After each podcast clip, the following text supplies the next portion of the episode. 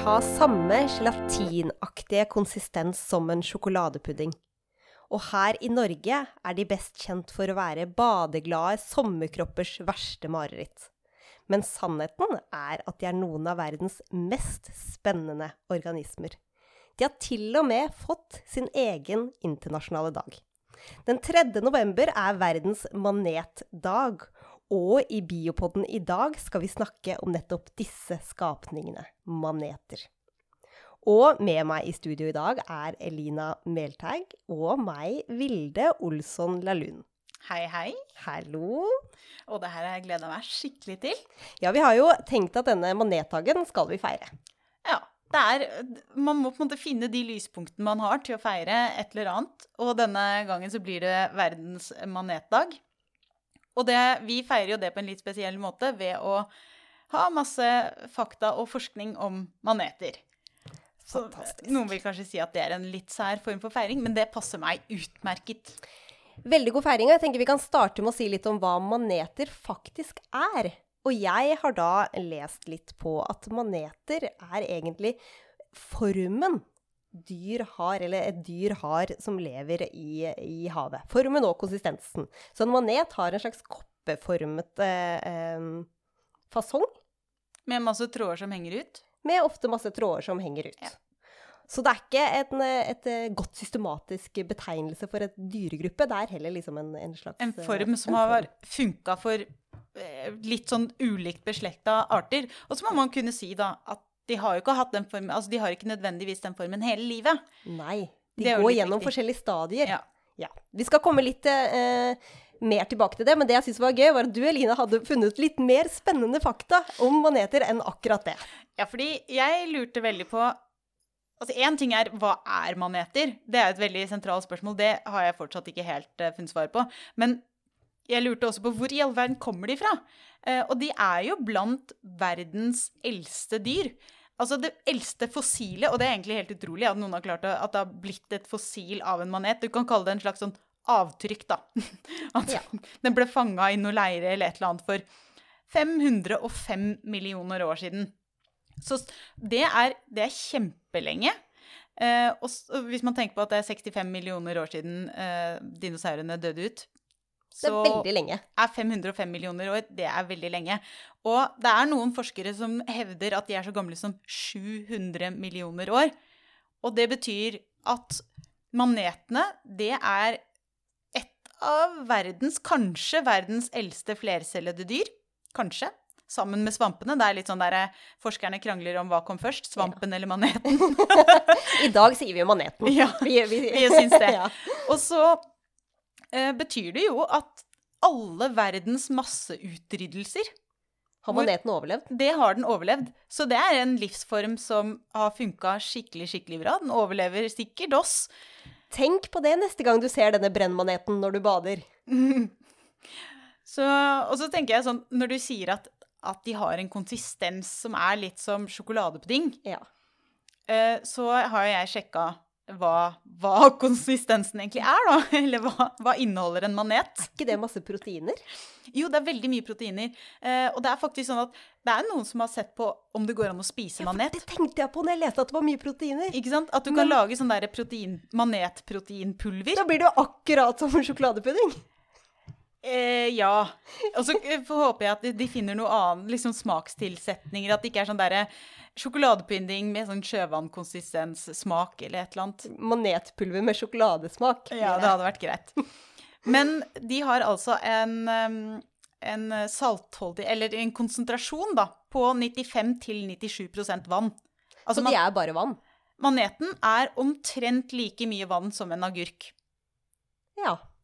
Og så sjekket jeg hva er egentlig vannkonsentrasjonen, da? H2O. Mm. Hva er vannkonsentrasjonen i saltvann? Mm. Og det eh, viste seg å være 96,5 Så like mye som maneten. Ja, eller omtrent det samme, da. Så det, De kommer, blander seg inn. Det er liksom de går i ett med vannet. det spørs sikkert litt hvor du måler og litt sånne ting, men, men eh, maneten har omtrent samme vannkonsentrasjon som vannet rundt seg, som jeg syns er litt gøy. Det er utrolig Sier kanskje hvorfor de bare flyter rundt der og ser ut som litt sånn passive svømmere. Ja, og jeg liker at du sier det, fordi at det, de har jo egentlig ikke en hjerne. Altså, de har ikke sentralnervesystem på den måten. Men de har svømmemuskel. De har svømmemuskel, Ja. og de har faktisk et nervenett Ja. og en nervering rundt denne svømmemunnåpningen sin. ja, for de har vel en munnåpning liksom i magen under, eh, som er en slags åpning hvor all næring og hvor de spiser fra. Ja, det, fra. er, det er der de spiser, og så er det der de formerer seg, egentlig bare der de gjør alt. Ja. Så Praktisk, da. veldig praktisk. Du har én åpning for alt, Mm. og så har du et dobbelt celleladd som på en måte er forma som en slags sånn kuppel. Det er liksom kort oppsummert. Manetgreiene. Det er manetgreiene. Og så leser jeg at de har en, en muskel rundt hele dette systemet som liksom eh, trekker seg sammen, sånn at maneten kan svømme. Ja. Og den, eh, det er jo en veldig effektiv måte å svømme Det går ikke nødvendigvis så fort. Men jeg har, det har jeg faktisk litt om senere. Det kommer vi tilbake til. Jeg gleder meg Mm. til det. Jeg har også lest at maneter de er da enten eh, det man kaller for ribbemaneter, eller i nes nesledyr. Og så er det veldig mye eh, forskjellig innenfor der som det er å ta av godsaker. Ja, de er jo De er mange, og de, det er mange typer. De har jo hatt ganske mange millioner år på å liksom eh, Ja, bli litt Utvikle seg i litt forskjellige retninger, da. Eh, for det De er jo Altså, du har maneter som er kjøttetere, du har maneter som spiser plankton, du har maneter som spiser krepsdyr og fisk, og så har du maneter som spiser andre maneter, sånn som brennmaneten, som Spiser glassmaneten! Den gjør det. Det er sjukt. Og eh, så er det noen som faktisk er planteetere, da. eh, Mm. På den måten at de har en biosymbiose med alger. Så de tar Oi. algen opp i sollyset, og så er de i sollyset om dagen. Så går de ned i mørket om, om kvelden og får inn næringsstoffer og sånne ting. Og så får de sukkeret rett fra algen. Mot at algen får beskyttelse mot fisk og liksom andre ting. Det var dritkult! Ja. Fy søren. Så, og jeg har masse gøye eksempler. Så det var ikke et, Det var ikke et eksempel. Nei, ikke en jeg, engang? jeg har ikke brukt opp det eksempelet som et eksempel og en fun fact. Jeg skjønner. Ja, fordi eh, jeg tenker at det, det er så mye gøy å si om maneter at det må vi gjøre igjen. Det må vi gjøre igjen, og eh, det er jo derfor kanskje de også har fått sin egen internasjonale dag. Kanskje. At de er så kule. Ja. De har jo vært en sånn frykt da, for at manetene liksom er på, på vei opp Altså det, det, at det er i ferd med å bli mange maneter pga. klimaendringer Ja. og sånne ting. Og da er det jo et spørsmål som ofte dukker opp, som er sånn Hva er det som spiser maneter? Mm. Og det veldig, veldig korte svaret på det Før så trodde man at ingenting spiste maneter, men det er masse ting som spiser maneter. Det er i hvert fall 150 arter, og det er litt avhengig av hvilken manet det er og sånne ting, da. Ja. Men, eh, men det er enkelte fiskearter. Havskilpadder er spesielt kjent for å spise maneter. Det fins en del krepsdyr som gjør det, og så er det mennesker, da. Som spiser maneter? Ja. Og da, jeg tror ikke de er i proteinpulverform. Men eh, jeg tror ikke det er så vanlig i Norge. Jeg tror det er på en måte i litt mer eh, Litt andre land hvor de har Ja. Skulle ønske alle kunne se ansiktsuttrykket mitt, som er litt sånn halvsjokk, hvor jeg tenker på at noen da spiser maneter. Men det er proteinholdig, eh, Ja. som vi har lest. Det er det. Så Sikkert sunt. sikkert sunt. Men Elina, jeg har hørt uh, at du har tatt for deg et veldig kult eksempel. Kan vi gå over på det kule eksempelet, okay, eller skal vi eh, fortsette på fun, eller uh, introfacten? Jeg har faktisk to kule eksempler. Eh, og da vil jeg gjerne begynne med ett. Og det er kanskje noe av det morsomste jeg vet om maneter. Fordi manetene har ingen hjerne, og allikevel så er det sånn at de jakter i flokk. Det er helt sykt. Ja, det er helt sykt. Og da er det faktisk noen Men eh, hva jakter de? Jeg har så mange spørsmål. Ja, ok. Så dette her er en veldig, veldig spesiell type manet. Det er en dyphavsmanet. Mm. Og den ble oppdaga den, den har jo på en måte Man har vært klar over den lenge, men så kom den til Norge. På, ja, på 70-tallet. Så plutselig så dukket den opp i Norge, og så trivdes den kjempegodt. Og da er det spesielt én fjord hvor den på en måte har blitt fanga litt, fordi det er en fjord som er veldig, veldig veldig dyp utenfor Bergen, som heter Lurefjorden.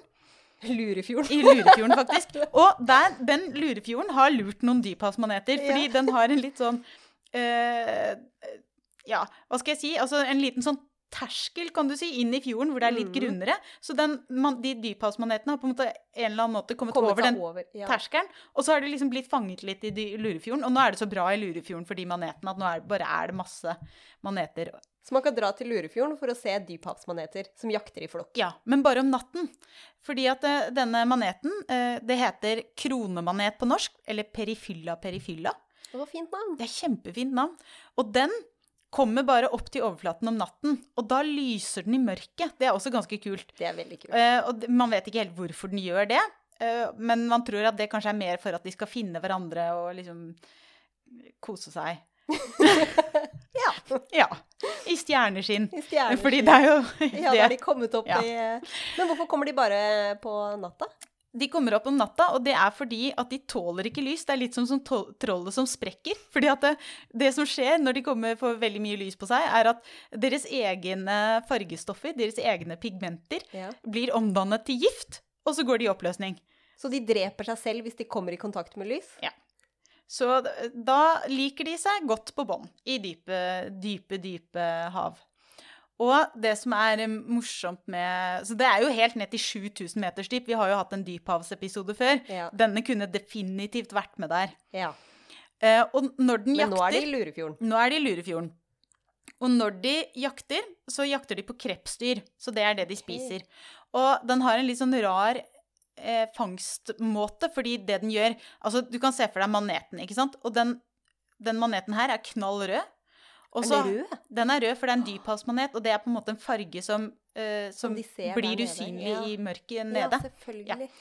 Og så svømmer den, og den har litt sånn derre uh, Du kan si at det er litt sånn konsistens, liksom, på de fangarmene dens. Ja. Så svømmer den med dem foran seg. ja. Og så er det sånn at når den prøver å få en intetanende kreps liksom inn i dette gapet sitt, da, så eh, er krepsens strategi det er å sprette unna. Ja, og den spretter jo bakover også, gjør den ikke det? Ja, eller sånn, litt sånn til siden. Ja. Og det er vilkårlig hvilken side den spretter til. Mm. Og da er det sånn at for den maneten, hvis den jakter alene, så har den tapt maten. Ja, for da hopper den unna. Ja. Mm. Men, og det er jo det de har regna på her, at det vil faktisk lønne seg for den å jakte i flokk. Fordi hvis det er en annen manet rett ved siden av, så, kan, så er det en viss sannsynlighet for at den krepsen bare spretter inn i den andre maneten. Så da får jo den spist, men den første har jo ikke tapt noen ting. Nei, ikke sant.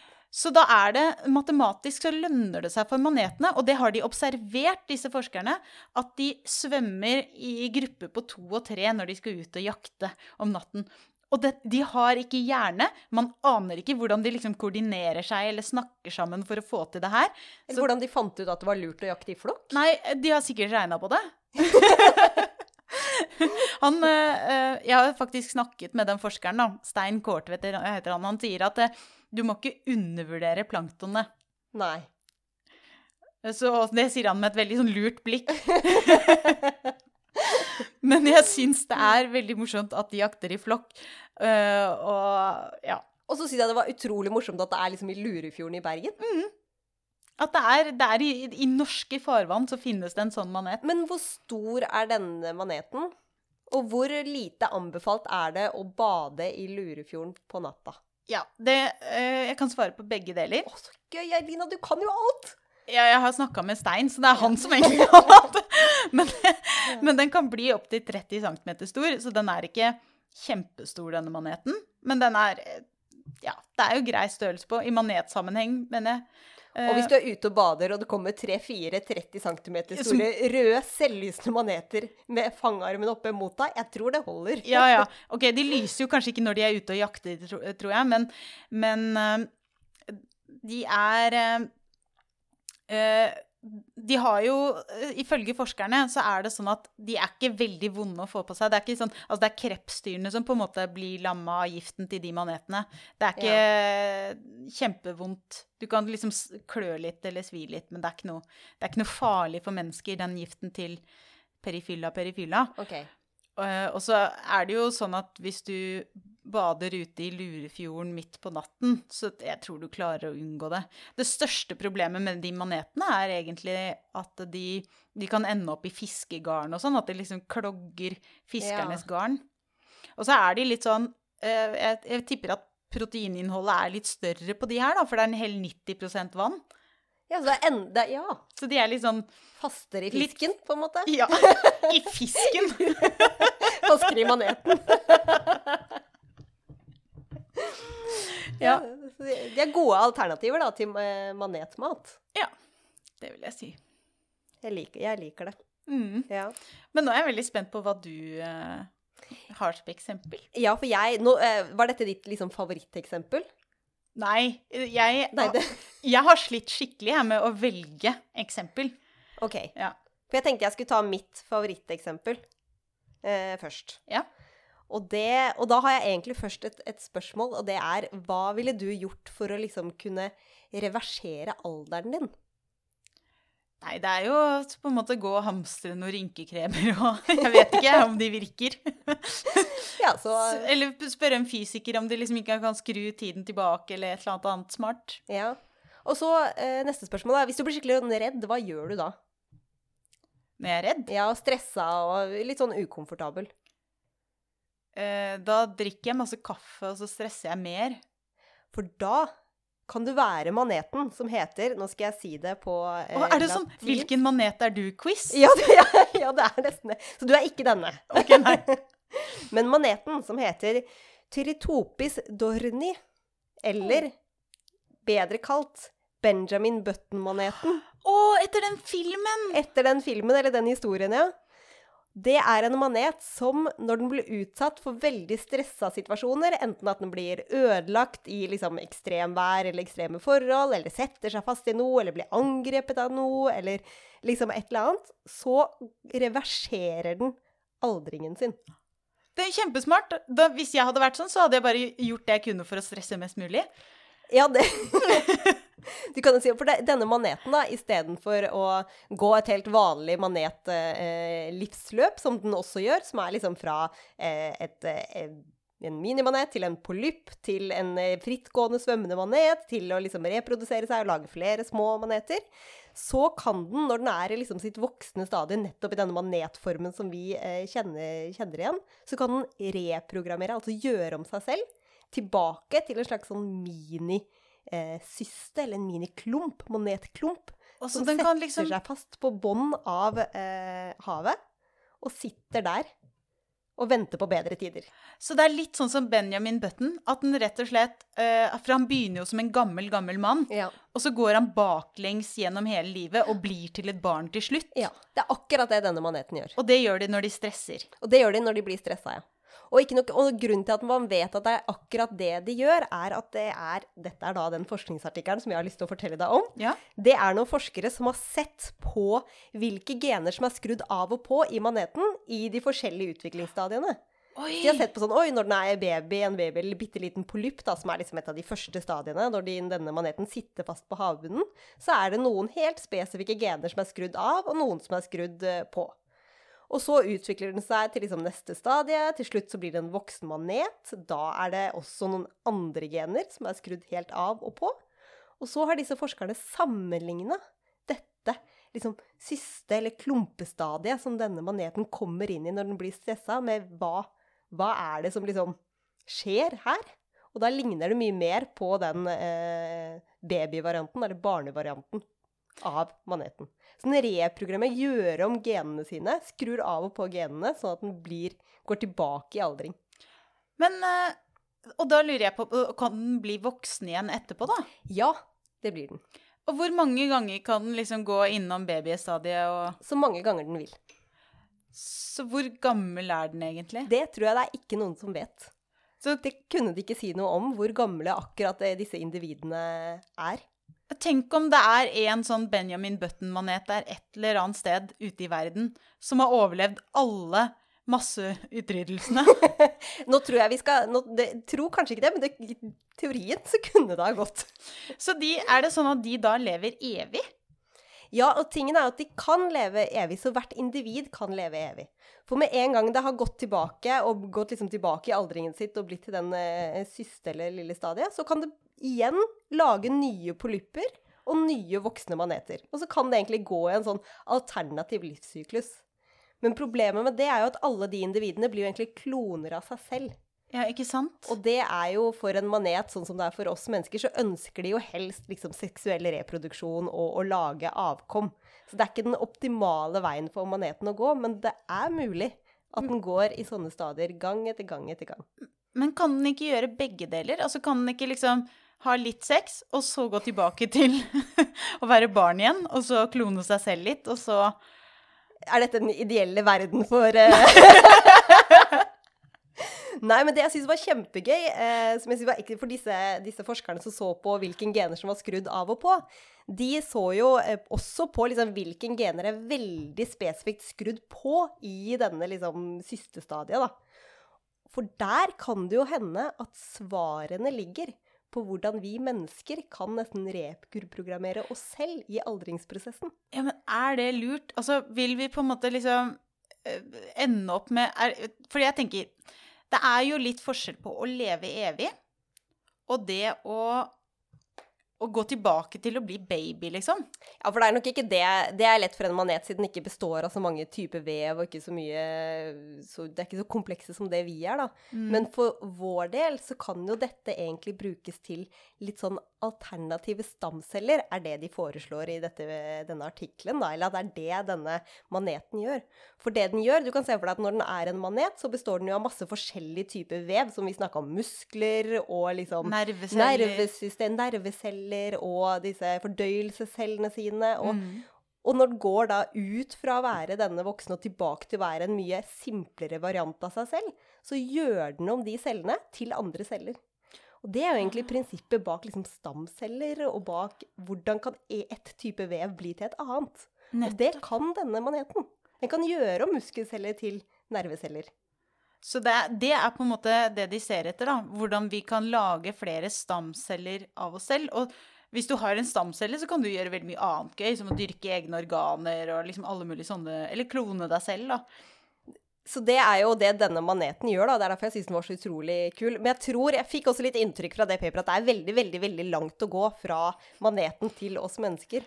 Men det er liksom en av de få organismene man vet om som kan gjøre om noe til noe helt annet, da. Det er veldig, veldig I, kult. liksom, I seg selv. Ja. Og i tillegg så har denne maneten klart å, å finne løsningen på litt sånn aldringsting som skjer i vår kropp. For eksempel DNA-et vårt blir jo liksom kortere og kortere og litt mer og mer ødelagt jo eldre vi blir. Mm. Mens denne maneten har da skrudd på noen gener når den er i det lille stadiet, som gjør at eh, hos den så repareres det av seg selv. Så hvis vi kan lære det og kopiere det av maneten, så kan det hende at vi også får det. Da er det det du Benjamin Button. Rett og slett. Det eh, var i hvert fall derfor jeg syntes det var så utrolig kult å høre om liksom maneten. Og det står, jeg leste en sånn artikkel, og da sto det 'Har du lyst til å leve evig?' Og så tenkte jeg ja, det ville jeg jo gjort. Og så står det 'Vær en manet'. og da tenkte jeg OK. Ja, Takk du, for det det, svaret. prisen er ganske høy for å leve evig. Og ganske høy pris for å leve evig. Vil du høre mitt eh, andre eksempel? Veldig gjerne. Mm, fordi eh, vi har jo hatt en eh, episode som har handlet om rombiologi. Ja. Og verdensrommet. Verdensrommet. verdensrommet, Ja. rett og slett. Og jeg ble litt inspirert av det jeg, da jeg skulle finne det eksempelet her. Og så hadde jeg tenkt å ha det som en fun fact. Og så var det så mye gøy å snakke om at jeg fant ut at Det må Det- bli en ekte fact. Ja. og uh, fakten, det er at det har vært 60 000 glassmaneter i bane rundt jorden. 60 000 glassmaneter. 60 000 glassmaneter, ja. Det holdt ikke med én. Nei. Nei. Så eh, det og det som har skjedd, da, eh, er jo at eh, NASA eh, sendte opp I 1991 Mm. så sendte de opp 2478 manetpolypper. Altså vi har snakket om disse forskjellige stadiene til maneter. Og veldig mange manetarter, ikke alle, men mange av dem, har et stadie hvor de, de setter seg fast på en overflate. Og så eh, lager de Det ser ut som en liten sånn stabel med tallerkener eller noe sånt. Nå. De kaller det for polypper. Og derfra så driver de og kloner seg selv Mm. til sånne små eh, Jeg tror de kalles for eh, eh, efyra. Altså sånne små minimaneter, eller halvvoksne maneter. Da, en litt annen form igjen. Mm. Og så blir disse efyraene De blir til Manetene vi kjenner. Yes. yes. Og så, og så kan du si at eh, ja, ok, noen maneter Perifylla perifylla, eksempel, har ikke noe polyppstadiet. Nei. Um, så de har litt ulike løsninger på det. Men i hvert fall, glassmaneten har et sånn polyppstadie. Ja. Så de hadde tatt sånne små eh, flasker med sjøvann og glassmaneter og ja. glassmanetpolypper og tatt det med seg opp i verdensrommet. Og målet med den forskningen det var å se på hvordan mikrogravitasjon påvirker utviklingen av maneter. Og bare for å ta kjapp uh, catch-up Med mikrogravitasjon. ja, Takk. Ja. Mikrogravitasjon er rett og slett eh, når du er veldig, veldig veldig langt borte fra noe tungt, sånn som f.eks. jordas kjerne. Da blir du nesten ikke påvirket av gravitasjonen, så det føles som å sveve. Så for oss andre så er det som å være vektløst. Ja. Bortsett fra at vi ville kalt det ja, så vi Ja. ville kalt det det Ja, istedenfor mikrogravitasjon. ja, for det er sånn det oppleves. Ja. Men, men det heter mikrogravitasjon fordi du på en måte aldri blir helt fri fra gravitasjonsfeltet. Nei, skjønner. Nettopp. Mm. Og det kan jo påvirke en liten sånn manetbaby eller en efyra eller en polypp, ikke sant? Ja. I utviklingen. Og da er det spesielt én ting de hadde lyst til å se på. Fordi når en, en sånn eh, polypp deler seg selv og blir til en efyra, så danner den noe som kalles for statolitter. Og Mhm. det er bitte, bitte, bitte små kalsiumsulfatkrystaller.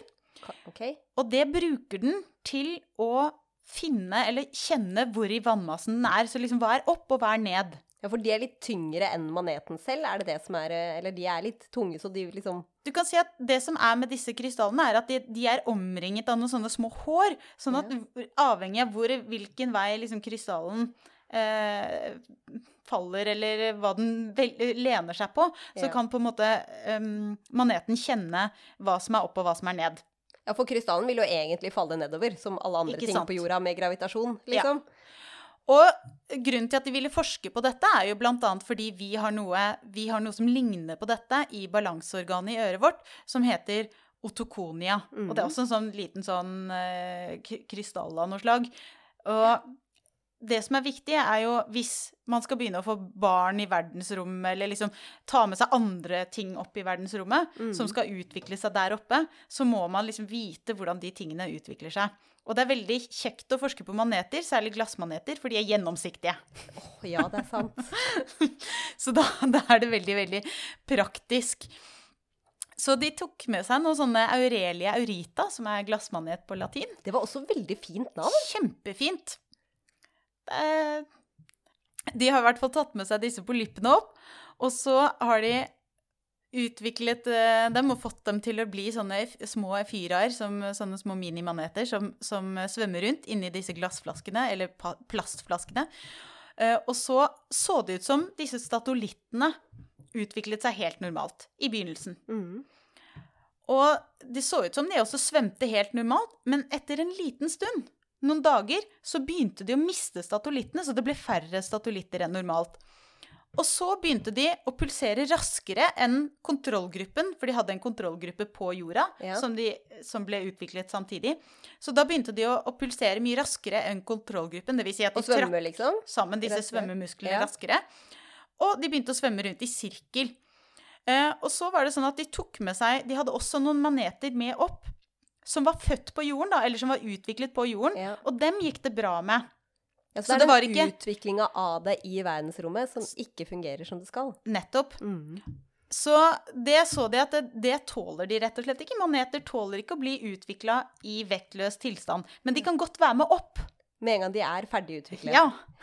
Det betyr da det organet som skal til for å liksom detektere gravitasjon, da, når det da ikke er gravitasjon der, så lager ikke manetene det organet, eller det som Det, trengs. det ser sånn ut. Det ser ut som at det er det det betyr. Det er jo kjempespennende, og tenk om det er det samme for oss mennesker. Ja, det betyr at da er det, det er dumt å bli født i verdensrommet, rett og slett. Det er det det betyr. Ja, ja, det, Eh, Men da, det, er, det var jo da en god grunn til at det var 60 000 maneter i bane rundt jorda. Fordi det er jo det som skjer med de polyppene, at de deler seg, og så blir de veldig, veldig mange. og så blir det bare flere og flere hele tiden. Ja, ja. Så um, jeg tror de hadde god kontroll på hvor mange de var.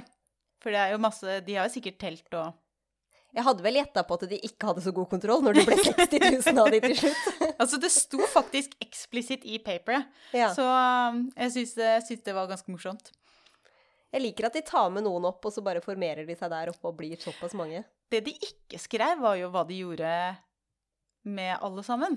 Altså liksom undersøkte de absolutt alle, Ja. eksempel? Eller hva, slapp de de ut, eller hva, hva gjorde de? Jeg vet at noen av dem har jo blitt undersøkt i elektronmikroskop, for det var sånn ganske nøye beskrevet liksom prepareringsmetoden og sånn. Ja. Men, men jeg vet ikke om de gjorde det med alle 60 000. Men sto det noe om om de liksom eh, tok disse videre til ferdig glassmanetstadiet, og så hvordan de overlevde i, i havet eller i havlignende omgivelser etterpå? Gikk det bra med de til slutt, eller var det liksom Var Nei, de ute å kjøre resten av livet? Altså, de som var født i verdensrommet, de var ute å kjøre. ja. Ja. De ble ikke redda De redda seg ikke inn igjen når de ble voksne? Nei, jeg har ikke inntrykk av det basert på teksten. Nei. Jeg har inntrykk av at, eh, at dette, disse 60 000 eh, Ja. Det, de, Det var de livene. Det var de. De ofret seg for forskningen, rett og slett. Jeg tror, det er, tror det er det de gjorde. Ja. Men det er jo på en måte, hvis de først hadde liksom tatt det med opp der, Mm. og de ikke klarte seg nede på jorda igjen Ja. Og så er det jo fint at de velger å forske på noe som er eh, som de kan gjøre så statistisk gode resultater på, uten at det er altfor vanskelig, da. ja du sånn har godt altfor- tallmateriale. Ja. Eh, og så er det jo dumt å på en måte kanskje forske Det er jo i hvert fall lettere å forske på glassmanet som er gjennomsiktig, og hvor du har litt god kontroll på, på det som skjer. Hvor du kan ha, ha de har så god kontroll på hvor mange det blir, men Nei, nei, for de kan jo dele seg. Hvis de har det bra, så deler seg blir veldig, veldig mange. Ja. Det er jo ja, ja, ja. Men hva er det andre eksempelet ditt? Ja, fordi jeg eh, har jo liksom en forkjærlighet på min jobb. Jeg jobber jo på universitetet, og jeg er veldig glad i å gjøre mikroskopiering. Så sitte på mikroskopet og se på egentlig sånn selvlysende ting. Og hvordan de beveger seg, gjerne i celler eller i planter eller i alt mulig rart. Og det eksempelet jeg skal ta nå, er hvor Hvordan har denne mikroskopieringa jeg gjør, kommet? Og sannheten er at jeg får hjelp av en manet. Et manetgen. Hver eneste gang som jeg sitter på dette mikroskopet mitt. Og denne maneten er den jeg skal snakke om, og gi litt heder og ære for min forkjærlighet for mikroskopiering og forskningen i seg selv. Det ble veldig geekete, men jeg er veldig glad i denne maneten. Jeg ser at du sitter og bare smiler fra øre til øre. Fortell. Tingen er Det er en uh, manet som heter Aquera Victoria. Det var også et veldig, veldig fint navn. Det var også et veldig, veldig fint navn. Og denne maneten, den lyser også i mørket. Og det har man visst veldig lenge. Man har visst at den har lyst i mørket eh, ja, veldig, veldig lenge. Men siden 60-tallet så kom det faktisk ut en vitenskapelig artikkel som fortalte hvorfor den lyste. Hvilke proteiner inni maneten er det som gjør at den lyser? Og de proteinene som disse forskerne fant på 60- og 70-tallet, det er de vi bruker i dag. Oi, er ikke det Men sånn rent genetisk og genforskning sånn, er ikke det veldig lenge siden? Det er veldig, veldig lenge siden. Det er kjempelenge siden. Dette var liksom helt i starten på det jeg ville kalt for sånn molekylær forskning, da. Ja. Det, var, eh, det har skjedd veldig, veldig mye siden da, og i dag er fortsatt eh, dette proteinet et av de vi bruker aller mest. Og det jeg skal snakke mest om, er det som heter green fluorescence protein, eller GFP. Grønt fluoroserende protein. Og hvis du har sett sånne kule mikroskopibilder hvor det er mørkt, og så lyser ting opp i forskjellige farger, det er det. Og da er det, det, den, det er den grønne fargen, da, antar jeg. Det er eh, her hovedsakelig ja, den grønne fargen. Det er den man fant Ja. først. For hva er det disse manetene gjør? Disse manetene de lever dypt, dypt, dypt i, i havet. Og de har muligheten til å egentlig lyse to forskjellige farger. Ikke bare grønn, men Ikke bare grønn. For det de egentlig gjør, er at de lager noe som heter eh, biol bioluminescens. Det er liksom selvlysende. Det lager ett protein, og det heter ikke GFP, det heter noe annet. Det heter egentlig akorin, ikke så veldig farlig. Men det lager blått lys. Ah, ja. Og blått lys er jo det eh, de aller fleste maneter egentlig lyser opp som. For det er den Jeg tror det er det Bortsett fra perifilla, perifylla. Bortsett fra perifilla. Den er rød. den er rød. Eller jeg vet ikke om den har andre farger, men den er i hvert fall rød. I hvert fall denne maneten den kan da lage blått lys. Og det som er spesielt med GFP-proteinet, er at når du lyser på det med blått lys, så lyser GFP-proteinet ut grønt lys. Oi, så den konverterer lyset Den til en annen farge? Den gjør det som heter liksom energioverføring. Så den tar imot lys i én bølgelengde, blått lys, og så gir den ut lys i en annen farge, grønt lys. Så betyr det at når du forsker på lopp, så kan du liksom lyse opp forskjellige ting da med, med det, ved å lyse på den tingen? Og det er nesten akkurat det vi gjør. Eller det er akkurat det vi gjør. Men det disse forskerne fant ut, var nemlig eh, akkurat det der som jeg eh, sa, at den tar inn én farge og lyser ut den andre. Og så gikk det egentlig veldig veldig mange år hvor man visste at disse proteinene fantes. Før på 90-tallet at det var noen andre forskere som sa du, kanskje vi skal bruke dette til noe? Og det var det de bestemte seg for. For man fant ut at denne eh, grønn fluoreserende protein den er ikke farlig for celler. Så celler kan liksom lage så mye den vil av det. Og den trenger ikke noe spesielt. Den trenger ikke være en manet for at den skal fungere. Ja, det er jo praktisk. Enkelte proteiner fungerer liksom bare i mennesker eller bare i et eller annet, men dette grønnfluorescerende protein det fungerer i alle mulige celler. Det er ikke farlig for cellene. Og forskerne tenkte at dette kan vi bruke. Og det man bruker det som, hovedsakelig, er egentlig å liksom eh, tracke. Tracke ting. Og Spore. Spore ting. Takk, det var bedre norsk ord å si spore. du kan spore ting. Så du kan si sånn Oi, jeg har lyst til å eh, fargelegge alle eh, muskelcellene grønne. Så kan du liksom spore muskelcellene og farge de på en måte grønne med dette grønt fluoriserende proteinet. Og så kan du se på det på et liksom levende individ. For, for et levende individ kan jo liksom lage dette proteinet uten at det ødelegger eh, organismen i seg selv.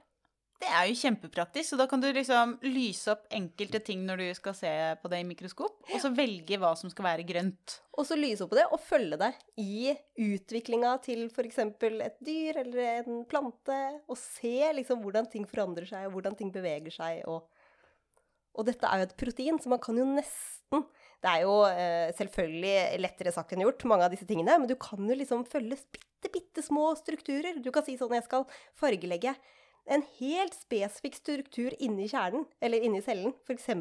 cellekjernen. Og si at nå skal jeg følge cellekjernene. Det er fascinerende. Nå skjønner jeg hvorfor du sitter så mye på mikroskop. Det eh, gjør jeg. Og så er det jo veldig gøy, fordi eh, som sagt, dette genet, eller proteinet, er jo, kommer jo fra et gen som er en manet. Og, og eh, forskerne har også klart å gjøre det om litt, så man kan lage flere farger da, enn grønt. Kult. Så du kan liksom endre litt på det, og man kan se, jeg har etter hvert funnet ut at det er andre arter, som f.eks. din eh, flokkmanet, som lager andre farger. Og så har de klart å finne da forskjellige farger, som gjør at du samtidig kan liksom fargelegge forskjellige strukturer da, og se på sånn. Den grønne fargen gjør sånn, og den røde fargen gjør sånn.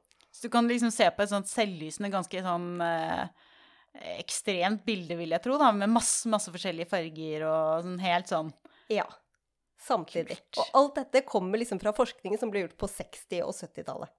Er Og disse forskerne fikk også eh, Nobelprisen selvfølgelig i 2000, og jeg tror det var 2008 for liksom oppdagelsen da. Det er ganske mange år senere. Det er ganske mange senere. og Det jeg syns er fascinerende, er liksom tenk at en, en eh, manet, såpass egentlig simpel organisme som ikke har fått så mye eh, det, creds i forskninga. Vi har liksom ikke forska så mye på maneter. Men det er jo da en av de organismene som har liksom revolusjonert måten vi gjør mikroskopiering på i all moderne forskning.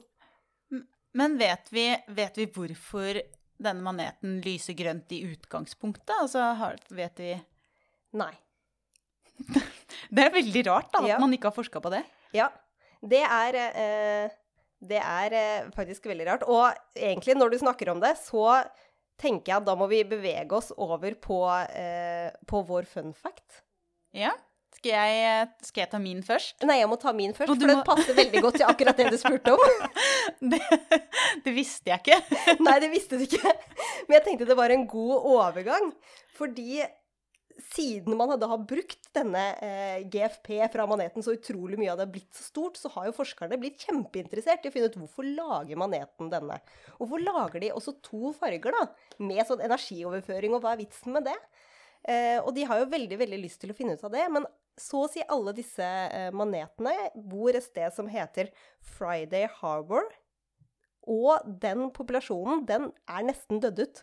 Så de har Nei. ingen flere naturlige varianter, eller naturlige populasjoner av eh, denne maneten som de vet godt om, og som de kan forske på, til egentlig å finne ut av hvorfor de lager dette. Og det var fun facten din. Ja, det var litt trist fun fact, da. Det var en trist fact, Ville. Ja, det var en trist fact, men jeg bare synes det var så utrolig For jeg tenkte, satt jo og tenkte på akkurat det samme som deg når jeg leste paperet, men hvorfor? Hvorfor gjør de dette? Og så eh, er det liksom en stor kollaps da, av hele den populasjonen som oh, foregår, som gjør at det gjør det ekstra vanskelig å forske på hvorfor denne ser sånn ut. Men da er det enda bedre at vi må slutte med din fun fact, som kanskje er litt mer fun, og ikke så trist fact. Ja, jeg har et, et litt, litt oppløftende, i hvert fall. Fordi det er noen forskere ved California Institute of Technology som har laget en slags Altså, de har laget en slags biorobot av en manet og en liten dings. Og da kan jeg berolige alle med at denne dingsen kan festes helt harmløst på den maneten, så det går bra med den. Og den er ikke plaget av å ha denne dingsen på seg. Bare sånn at det. Og det tror jeg egentlig er et forskningsprosjekt i seg selv, for da fister du en dings i noe som egentlig er en gelé. Ja, det, Men, og det denne dingsen gjør, er at den fungerer omtrent som en pacemaker, fordi den får maneten til å svømme tre ganger raskere enn en vanlig manet. Supermanet! Ja, og eh, vanlig manetfart, det er to centimeter per sekund. Manetfart. Ja, to, To, to centimeter per sekund. Det er jo Nei, det er ikke så fort. Nei, det er ikke det. Nei, det er ganske sakte. Mm. Eh, og da svømmer den altså tre ganger raskere. Men det som er gøy, da skulle man tro at den brukte tre ganger så mye energi. Ja. Men den bruker bare dobbelt så mye energi. Oi. Så det betyr at den, den kan eh, få mye raskere fart og allikevel ikke bruke så mye energi. Og så kan du si hvorfor i all verden driver Skal de svømme fortere? Ja, og Ja. hvorfor er det noen som forsker på det? Ja. Men som vi har vært inne på før, så er det sånn at veldig mye av verdenshavet er jo ikke veldig godt utforska. Nei. Så det de har funnet ut, er at hvis man kan feste små dingser på maneten og få den til å svømme litt raskere, så kan de få manetene til å måle ting som er litt vanskelig å liksom få god oversikt over ellers. Sånn type saltholdighet i vannet, ta liksom vannprøver, temperaturmålinger og liksom sende data tilbake. Så man skal bruke maneten for å utforske havet? Nettopp. Det er jo genialt! Og da er det ikke så farlig at den ikke er så veldig rask. Men bare litt, litt raskere hjelper litt. Ja. Og så er det en annen del av den forskningen også, og det er det at eh, man kunne jo gjort dette med bioro... Eller ikke bioroboter, men små roboter. ja. Men en av de mest energieffektive måtene å svømme på, er faktisk sånn som maneten svømmer. Å ja. Med liksom den Ja, eh, det- bevegelsen den eh, nettopp. gjør. Ja. Men det er bare det at det går ikke så innmari fort. Men det er veldig energieffektivt i forhold til energien du får inn. Og det de har funnet ut, er at det er faktisk omtrent 1000 ganger mer effektivt enn roboter sammenlignet med tilført energi. Maneter er sykt kule dyr. Yes. Så det er rett og slett en liten sånn manet-biorobot som noen har laget. Det, Det- er, det er avslutningsfakten i dag. Det var veldig gøy. Og da, Elina, gjenstår det vel bare å ønske alle en god verdens manetdag? Gjør det Ja. Gratulerer med manetdagen. Kos deg med noe gøye manet-fun facts. Og så ses vi neste uke. Takk for i dag. Ha det bra! I anledning verdens manetdag har biologibandet Overgump laget en fantastisk manetsang for oss, og den skal vi høre på nå.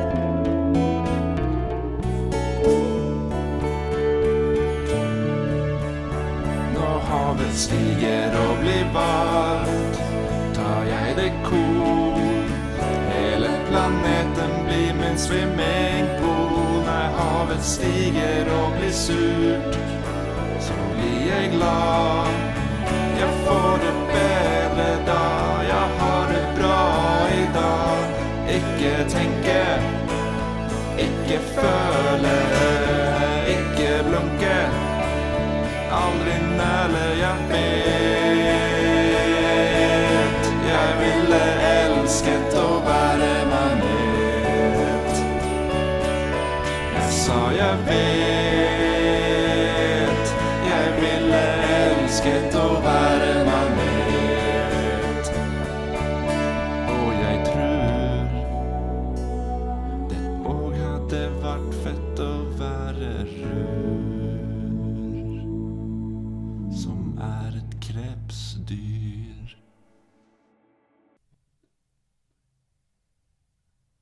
har nå hørt Biopodden med Vilde Olsson Lahlun og Elina Melteig. Og med på laget har vi også Torborg Galtland, daglig leder i Norsk biologforening. Denne episoden av Biopodden er laget i samarbeid med Tidsskriftforeningen, med midler fra Fritt Ord. Podkasten utgis av tidsskriftet Biolog, som eies av Norsk biologforening. Musikken du hørte, er laget av biologibandet Overgump, som består av Even Sletteng Garvang, Markus Fjelle, Erik Møller, Mathias Kirkeby og Audun Rugstad. Fortell gjerne om podkasten til venner og kjente, og gi oss tips og tilbakemeldinger på e-posten biopodden alfakrøllbio.no. Og hvis du vil støtte oss, så er du hjertelig velkommen som medlem av Norsk biologforening. Vi høres!